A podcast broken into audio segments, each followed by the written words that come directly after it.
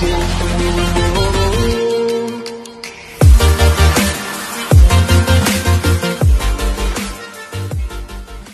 lagi bersama saya Agung Surya Gumelar dalam acara Beyond Education Podcast. Podcast yang selalu menemani di minggu-minggu Anda, di bulan-bulan Anda sekarang udah bulan November ya. Sebentar lagi mau bulan Desember di akhir tahun, mudah-mudahan kita selalu menjadi orang yang bermanfaat, menjadi orang yang terus belajar dan belajar lagi untuk mendapatkan ilmu yang setinggi-tinggi. ilmu ya, bukan apa yang tinggi. maaf, mohon maaf. Oke, baik. Dan di sini saya akan ditemani oleh seperti biasa Pak Doni. Halo teman-teman semuanya. Oke Pak Doni, bagaimana Pak Doni kabarnya? Alhamdulillah baik. Agung sehat? Hmm, sehat mulu Pak. Aku nggak sehat dari kemarin. Siap. Kelihatan dari ini ya, gede badannya. iya badan aku naik lagi Pak. Ini. Nyesel ya Pak. Ini udah Iya, udah yoyo nih, iya, iya, udah udah udah turun, eh naik lagi gara-gara makan Pak. Kebanyakan gorengan. ya. Iya kan. Ini ini nyambung nih sama yang eh, pertanyaan dari viewer nih Pak pada siang hari Oke. ini. Ada pertanyaan gini katanya Pak. Mm-mm. Kan eh, viewer ini bertanya, ini gimana nih caranya secara singkat Pak ya? Gimana caranya sih mengatasi penyesalan Pak? Hmm. Jadi mungkin eh, dia itu menjabarkan berbagai permasalahan yang dulunya pernah dialami, terus dia sesalkan Mm-mm. dan sekarang berefek pada kehidupannya. Hmm. Nah, jadi eh, bagaimana cara kita mengatasi penyesalan atau apa sih penyesalan itu Pak? Nah, kita bahas kali ya siang hari ini. ya. Oke. Nah, baik. ya, itu, Pak. Pak. Jadi sebelum kita masuk dalam cara mengatasi penyesalan, yang lebih penting bagaimana kita menyikapi sebuah penyesalan. Hmm. Karena penyesalan ini adalah hal yang wajar di dalam kehidupan kita sebagai manusia. Karena manusia ini adalah tempatnya kesalahan, tempatnya kehilafan, tempatnya kealpaan. Jadi, kalau manusia tidak pernah berbuat salah, itu yang aneh malah. Hmm. Iya. Karena manusia ini tidak sempurna Hmm. Dan itu sudah merupakan kodrat dari manusia. Hmm. Kita diciptakan oleh Tuhan, ya, bukan seperti malaikat. Kalau malaikat kan selalu dia melakukan segala hal dengan sempurna. Hmm.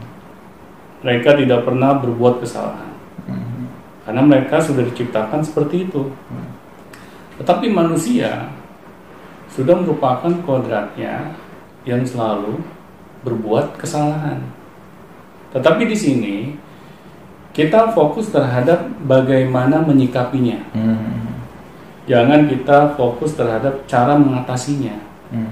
Karena kalau cara mengatasinya, sedangkan kesalahan yang diperbuat oleh manusia itu kan macam hal ya. Hmm. Berbagai macam hal ya. ya tidak hanya satu atau dua hal karena kita berbicara mengenai sesuatu yang sifatnya universal Hmm. makanya saya ingin fokus terhadap cara menyikapinya Hmm. Juga ya. Jadi bagaimana cara menyikapi dari penyesalan tersebut Pak ya? ya Hmm. Karena kalau misalnya mengatasi ya udah terjadi gitu.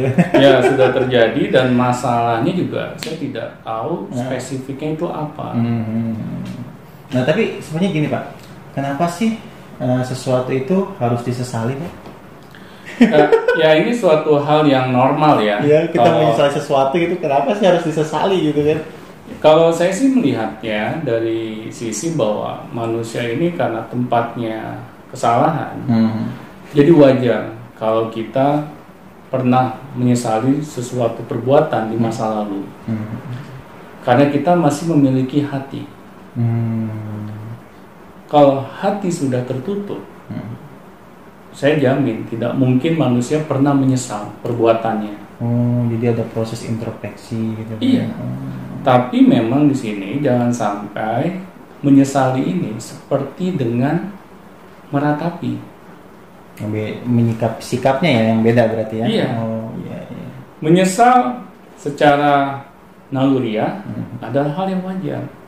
Tetapi kalau sampai kita meratapi, ini baru yang harus kita koreksi. Karena meratapi ini tidak pernah membawa dampak yang positif di dalam kehidupan kita. Hmm. Nah ini harus kita bedakan nih Iya. antara menyesali dan meratapi. Hmm.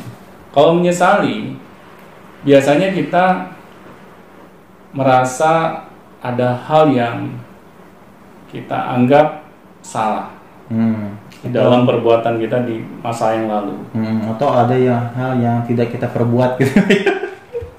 Kalau yang kita tidak perbuat, apakah mungkin bisa kita sesali? Misalnya, aduh kenapa gue nggak kayak gini tadi gitu. Oh, kalau seperti itu, itu biasanya setelah terjadinya sebuah kesalahan. Oh iya iya Nah, iya. iya, itu tetap kesalahan kita. Iya, misalnya contoh ada ada kucing nih, kita biarin aja set, kita biarin aja. Eh, tohnya kedabrak, nyesel kan, aduh kenapa kita nggak diambil tuh kucing gitu. Iya, jadi kan itu seperti membiarkan ya. iya. Dan hal itu wajar karena kita merasa terlibat Mhm. di dalam kesalahan seperti itu. Mhm. Ya, tetapi di sini kalau kita sampai tidak pernah menyesal Mhm. perbuatan kita di masa lalu, meskipun itu salah, Mhm. ini yang tidak wajar. Iya. Berarti kita menganggap apa yang kita berbuat di masa lalu, meskipun kita memiliki kesalahan Mhm. ya, di area tersebut, Mhm. kita tidak pernah merasa menyesalinya. Kita anggap ini bukan kesalahan saya kok, Mhm. ini kesalahan orang lain, ini kesalahan lingkungan, ini kesalahan waktu yang kurang pas. Jadi Hmm. dia tidak pernah mengintrospeksi dirinya sendiri. Iya, lebih sibuk nyalahin lah yang lain gitu ya. Nah, itu yang harus kita hindari. Mhm. Karena kalau sampai kita tidak pernah menyesal sama sekali ya Mhm. atas perbuatan kita di masa lalu yang salah, berarti kita ini memiliki yang bisa disebut ya di dunia psikologi itu sebagai super ego. Mhm. Kita ini merasa manusia yang sempurna, Iya, bener hidupnya. benar terus. Dan yang saya khawatirkan Mhm. akibat kita memiliki sikap seperti itu, kita akan dijauhi Mhm. oleh orang lain. Mhm. Nah, masalahnya kalau sampai akhirnya orang-orang sadar akibat kita memiliki sikap seperti itu, Mhm. apakah kita sanggup menjalani kehidupan kita seorang diri? Mhm. Ya. Nah, di sini saya ingin mencoba bahwa jangan sampai kita alergi Mhm. dengan kata-kata penyesalan. Hmm. Eh, tapi kenapa ya Pak penyesalan itu datanya terlambat Pak selalu terlambat gitu katanya. Pastinya kalau misalnya nggak terlambat, dia sudah menyadari gitu ya, kesalahan di awal. Berarti nggak nyesel ya?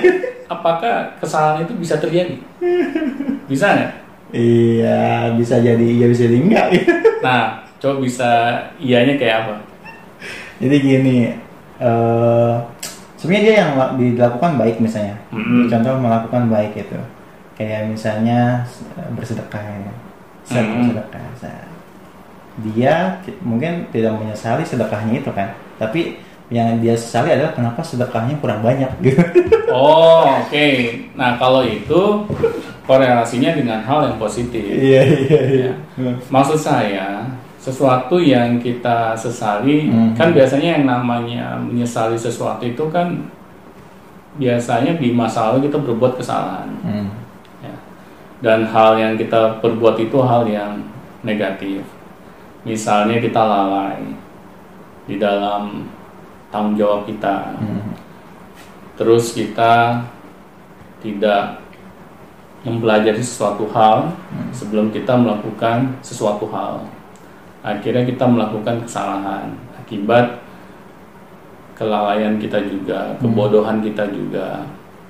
Dan hal ini biasanya penyesalan itu datang setelah kejadian. Iya, jarang yang sebelum kejadian. Jarang yang sebelum kejadian. Karena kalau dia sebelum kejadian, dia tidak akan melakukan perbuatan yang mengandung kesalahan tersebut. Hmm.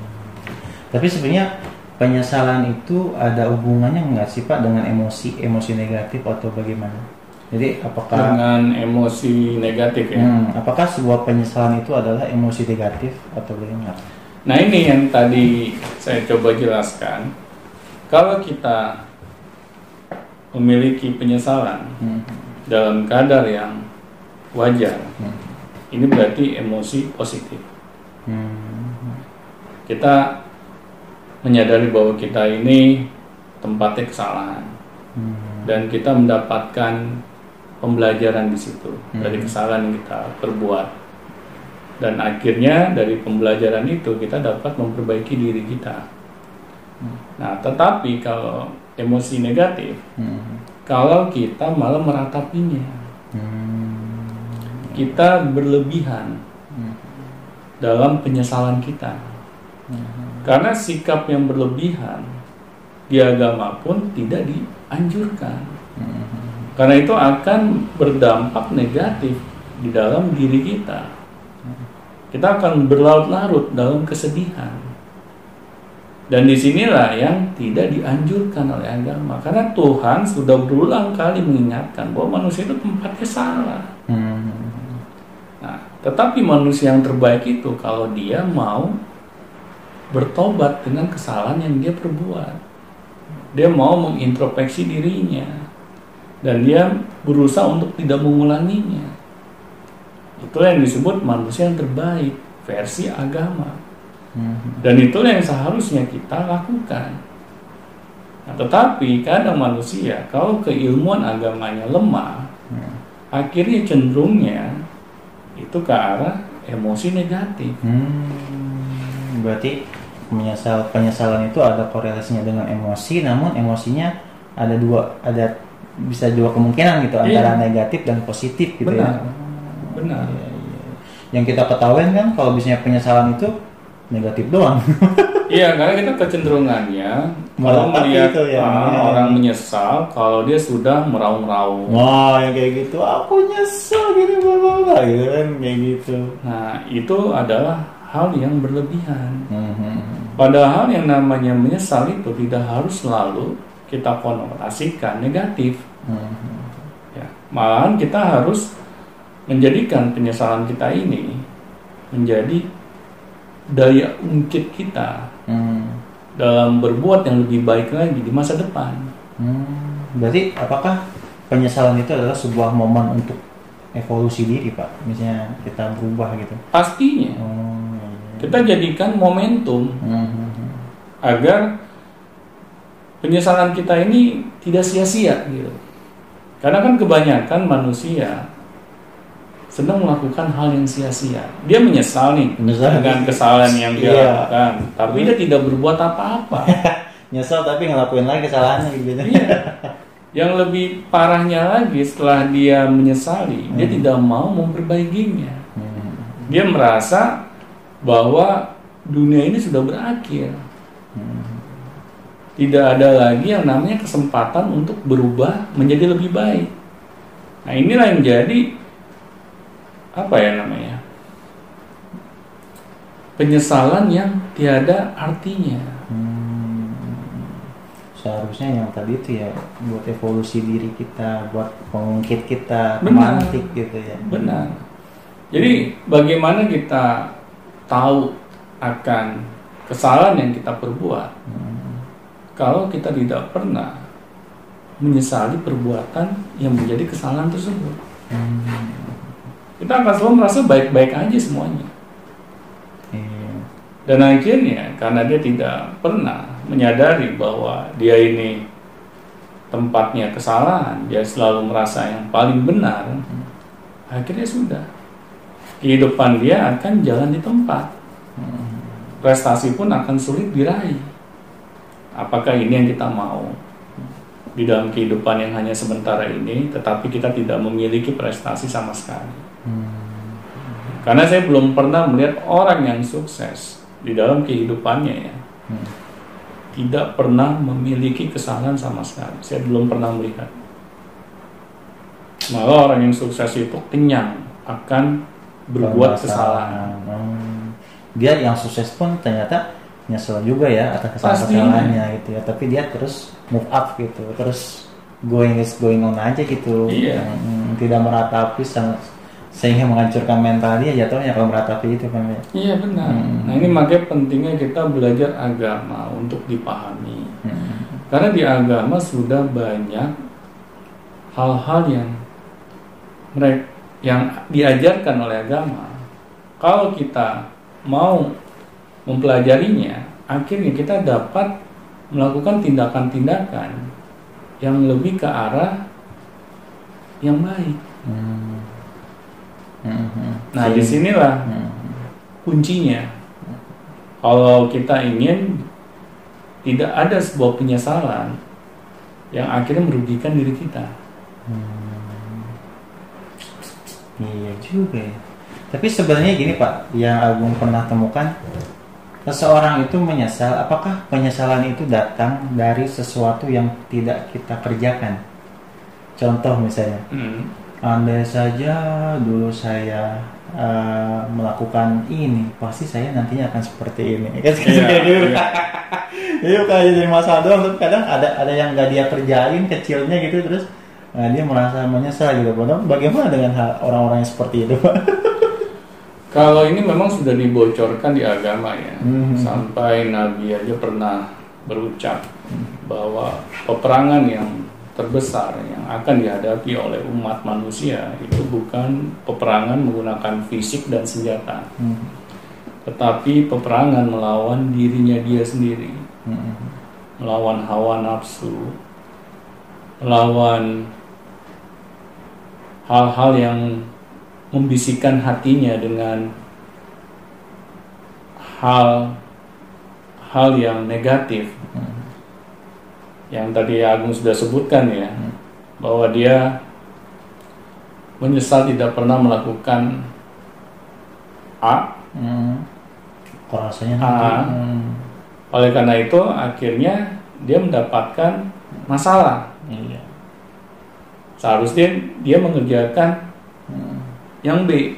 Hmm. Nah, di sinilah yang harus kita pahami bahwa ketika kesalahan itu sudah terjadi, bukan lagi kita mengungkit-ungkit kesalahan, tetapi kita belajar dari kesalahan itu apa yang bisa kita ambil hikmahnya Hmm. untuk kita perbaiki Hmm. dan jangan kita ulangi lagi. Jadi langsung sadar ya Pak ya. Iya, yang penting kita mau mengintrospeksi diri kita. Hmm. Jangan kita selalu mencari apa ya di bisa dibilang kambing hitam. Hmm. Kenapa kita tidak mencari kambing putih? Karena kami hijau. Iya. Karena kalau kita selalu mencari pembenaran, Hmm. akhirnya kita tambah nelongso, Hmm. tambah oh, dalam kata dunia psikologi ya depresi. Hmm. Karena kita selalu menyalahkan diri kita. Tapi secara berlebihan, bukan yang wajar. Hmm. Tapi kalau kita menyikapi sebuah kesalahan itu dengan wajar, Hmm. apa nih hikmah di balik kesalahan yang telah terjadi Hmm. yang menyebabkan musibah ini misalnya. Hmm. Akhirnya kita dapat menemukan solusi-solusi yang bisa menyelesaikan kesalahan-kesalahan di masa lalu itu. Iya. Tetap jalan terus gitu ya Pak ya. Nah, Misalnya contoh ada orang yang dia itu misalnya dapat beasiswa dari Australia misalnya. hmm, Nah, pas di eh, ternyata ada syaratnya yaitu jago bahasa Inggris, bisa ngomong bahasa Inggris misalnya. ya, Sedangkan dia dari dulu nggak belajar bahasa Inggris, Hmm. kurang jadi kayak nyesal "Oh, kenapa gue mau belajar bahasa Inggris gitu. ya itu wajar, itu Iya, boleh, itu iya. boleh. Misal seperti itu boleh. Tapi langsung gitu belajar di situ. tapi jangan sampai Hmm. Menyiksa diri kita sendiri.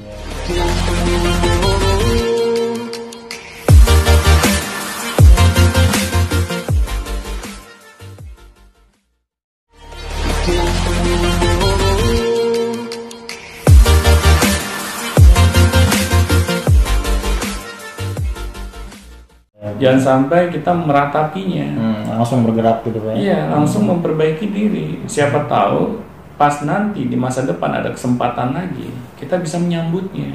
Hmm. Tapi kalau kita ratapi, kita sam- sampai ini ya, eh, koprol gitu kan Iya. akibat kita nggak terima gitu Hmm. dengan kita tidak mempersiapkan diri dengan baik sebelumnya Mhm. It- apakah itu dapat menyelesaikan permasalahan kita Mhm.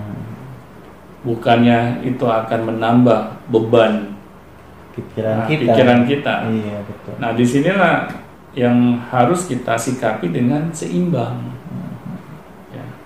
karena kalau kita tidak menyikapinya dengan seimbang akhirnya kecenderungan kita itu menjadi negatif Hmm. karena sudah lumrah gitu sesuatu hal yang negatif Hmm. kalau kita terus menerus ada di situ akhirnya kita akan masuk ke lingkaran itu gitu Kayak lingkaran setan itu. iya benar Baliknya jadi.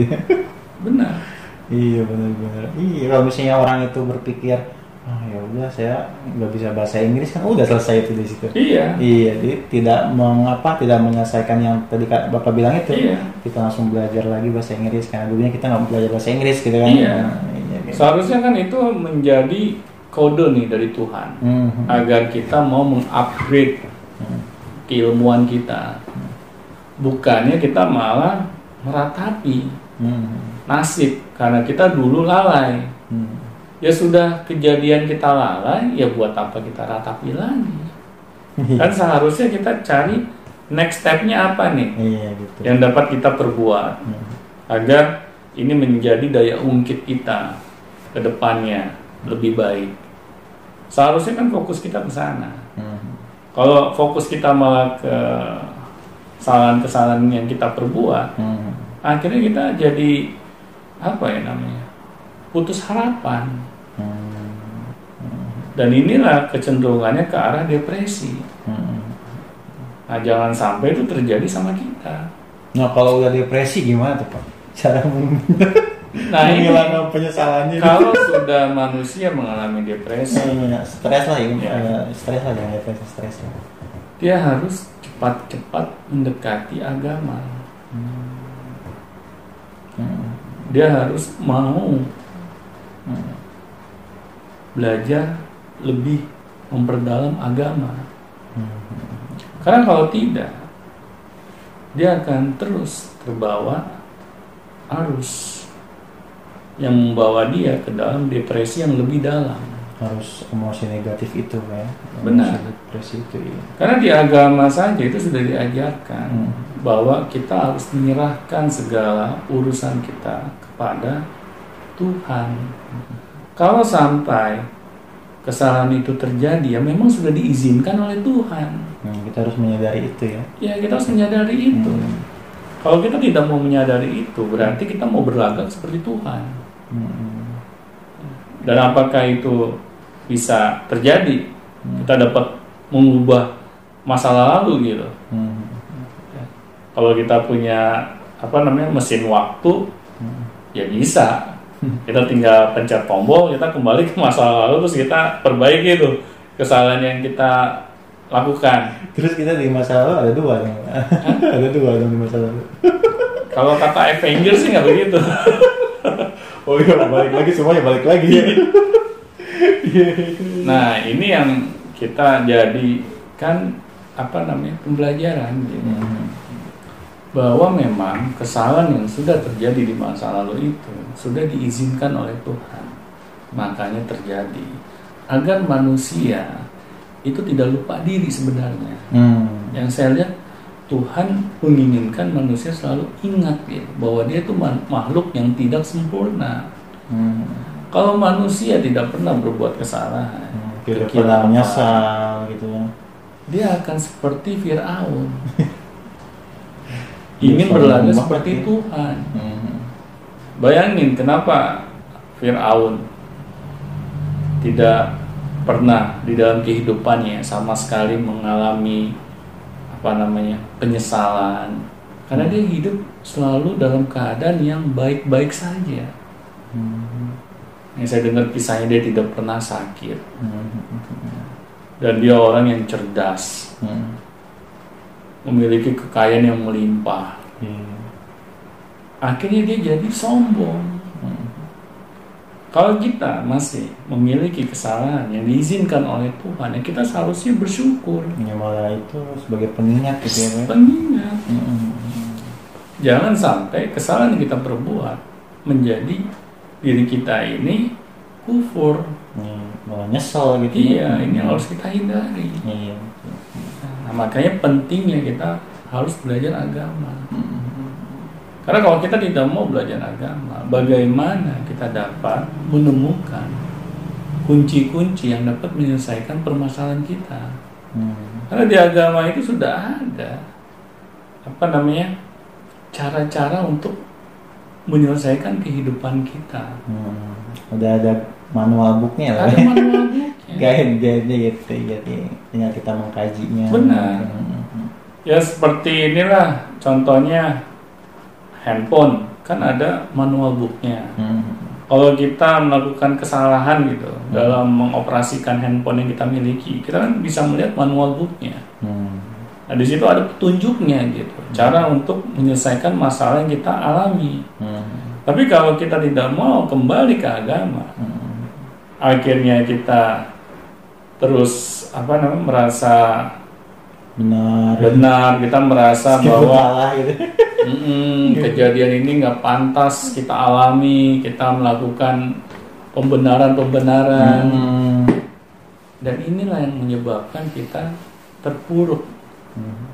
di dalam apa namanya eh, kesalahan yang kita perbuat. Iya. Apalagi, apalagi kalau misalnya gini. Contoh misalnya dia sebagai orang kaya nih Pak. Hmm. Orang kaya itu.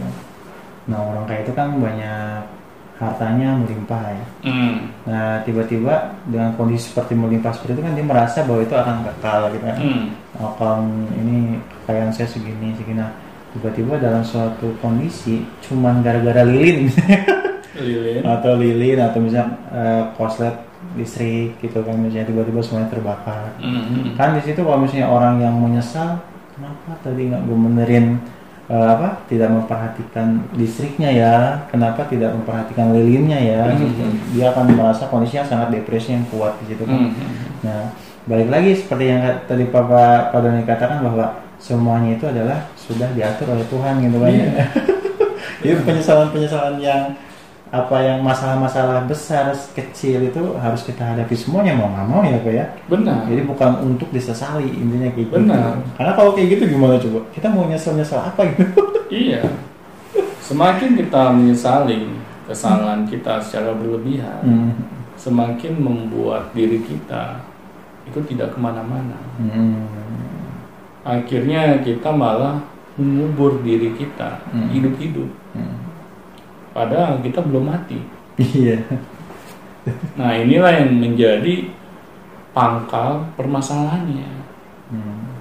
Kadang kita masih diberikan kesempatan hidup Untuk oleh. Tuhan, Hmm, misalnya. tapi kita menyia-nyiakannya dengan melakukan hal-hal yang tidak apa ya namanya berdampak positif bagi kehidupan kita. Apakah itu bukan sesuatu yang sia-sia? Eh. Padahal kehidupan kita ini kan hanya sementara. Hmm. Inilah yang harus kita renungkan Hmm. benar-benar gitu. Hmm. Bahwa yang penting manusia itu bukan menjadi sempurna. Hmm. Tetapi manusia itu harus mau sadar bahwa dirinya tersebut Hmm. adalah tempatnya kekilafan. Hmm. Hmm. Dan akhirnya ketika dia melakukan kesalahan, Hmm. dia tidak berlama-lama Hmm. menyikapinya dengan hal-hal yang negatif. Hmm. Jadi tidak ada larut-larut gitu Pak ya.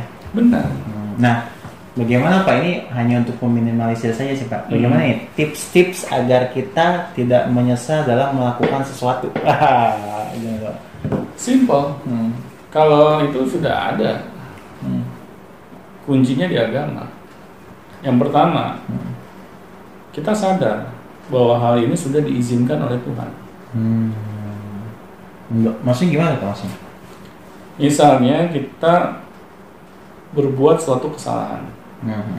yang tanpa kita sadari. Hmm. Berarti hal ini menandakan Hmm. bahwa kita ini memang makhluk yang lemah. Hmm. Dan di agama pun sudah dijelaskan Hmm. seperti itu. Akhirnya di agama dibocorkan bahwa sesuatu hal di dalam kehidupan kita ini Hmm. apabila itu sudah terjadi Hmm. Memang sudah diizinkan Hmm. oleh Tuhan. Iya, iya. Kalau Tuhan belum mengizinkan, Hmm. itu nggak akan terjadi. Hmm.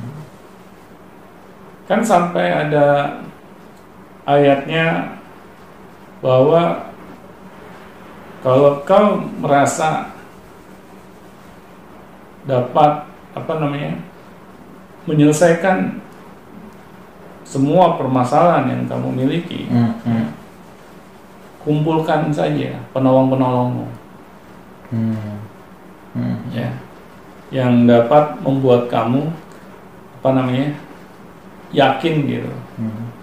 bisa menyelesaikan permasalahan yang kamu miliki. Ya, sampai segitunya, Boy. Iya. Karena apa yang sudah terjadi Hmm. itu tidak mungkin bisa kembali Hmm. seperti sedia kala. Yang ada kita dapat mempelajari dari kesalahan yang kita perbuat. Dan kita sadar Tuhan sudah mengizinkan hal ini. Hmm. Iya, iya. Kita ambil hikmahnya, Hmm. kita ambil pembelajarannya. Hmm. Jangan sampai hal ini kita ulangi lagi. Hmm. Yang penting kita mau mengakui hal itu. Hmm. Dan Tuhan senang apabila manusia ini ketika berbuat kesalahan Hmm. bukannya jumawa gitu. Udah tahu berbuat kesalahan Hmm. malah sombong. Itu lebih lebih parah dia Mas. Benar, tapi kadang ada loh manusia yang seperti itu. Betul salah malah sombong ya. Iya. Setelah itu dia keluar-keluar Hmm. bahwa bukan dia menyebabkan Oh, gitu. Mau nyalain orang lain. ini terjadi iya. Ya, dia salahkan lingkungan. Misalnya ini gara-gara hujan nih. Akibatnya acara kita jadi bubar Hmm. atau enggak dia menyalahkan lembaga lain gitu. Hmm. Ini gara-gara orang-orang ini nih nggak ker- kerjanya nggak becus gitu misalnya. Hmm. Akhirnya kesalahan ini sampai terjadi. Dia sangat mudah menemukan kesalahan orang lain Hmm. Dibandingkan kesalahan dirinya dia sendiri. Akhirnya perjalanan kehidupannya itu saya yakin dia tidak akan pernah ke mana-mana. Oh, iya. jadi kita tuh sebelum melakukan sesuatu agar tidak penyesalan, jadi harus tahu dulu ini ya bahwa ini tuh diizinkan oleh Allah gitu. Iya, Hmm. Iya. kalau dia sudah berbuat yang maksimal, Hmm. dia sudah melakukan ikhtiar yang maksimal, Hmm. Ya sudah hasil kita serahkan kepada Tuhan. Hmm. Kalau hasilnya juga tidak sesuai dengan harapan kita, Hmm. ya sudah itu yang Tuhan inginkan. Hmm. Apakah kita mau melawan keinginan Tuhan? Iya. Kecuali kita teman baiknya Tuhan, gitu. Ya, Orang dalam, orang dalam. orang dalam. Nah di sinilah ak- akhirnya kita harus mawas diri Iya. bahwa sesuatu yang sudah terjadi ya sudah. Hmm. Yang penting kita mau memperbaiki diri kita. Hmm. Kita mau menyadari hal tersebut bahwa kita juga lalai. Hmm. Akhirnya kita cari solusinya. Hmm. Tapi kalau kita selalu apa Nah, namanya ah, menyalahkan orang lain, menyalahkan lingkungan, akhirnya kita tidak pernah berkembang di Hmm. dalam kehidupan kita. Hmm. Terus menyalahkan orang lain ketika ada penyesalan gitu ya. Iya, Mencari benar. kambing hitam yang tadi Bapak Hmm. bilang itu terus lebih meratapi itu akan lebih membuat penyesalan itu semakin kuat. benar. Itu kita akan terhipnosis Iya. dengan penyesalan kita. Waduh, kalau yang kalau yang kayak gitu hidupnya gimana Pak nanti ke depan? Nah itu hanya Tuhan yang tahu.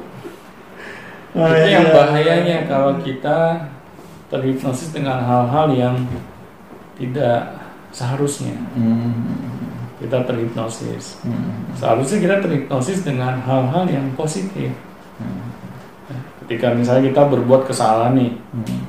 kita cepat eling, Hmm. ada andil kita di situ. Hmm. Kita terus cari solusinya apa. Iya. Kita tidak mau menyalahkan orang lain. Hmm. Kita tidak mau menyalahkan lingkungan. Hmm. Akhirnya kita menjadi tuan di dalam kehidupan kita. Hmm. Bukan menjadi korban dalam kehidupan kita. Bukan gitu. menjadi budak dalam kehidupan kita. Nah itu yang menjadi masalah yang sebenar-benarnya masalah. Oke, terima kasih Pak Dani untuk sharingnya. Sama-sama. Untuk penyesalan kayaknya udah cukup jelas ya bagaimana cara mengatasinya. Oke, yang lain silakan. Kalau misalnya ada yang mau bertanya lagi, silakan langsung nanti saya kirimkan emailnya di bawah di kolom description dan beberapa mungkin dari teman-teman ada yang menonton ini ingin bertanya lagi silakan ditanyakan saja dan nanti kita akan balas lagi dengan video Pak ya di Siap. sesi selanjutnya. Oke, baik. Terima kasih Pak Dani untuk sore ini. Sama-sama Mudah-mudahan tidak menyesal. Mudah-mudahan tidak menyesal gitu dan eh, hidup kita menjadi lebih harus lebih semangat. lebih semangat lagi, lebih berkah lagi. Bahwa sebenarnya penyesalan itu tidak ada. Yang ada itu hanya persepsi diri kita terhadap penyesalan tersebut, ya. Sip. Oke, terima kasih. Sampai jumpa di Beyond Education selanjutnya. Sampai jumpa teman-teman.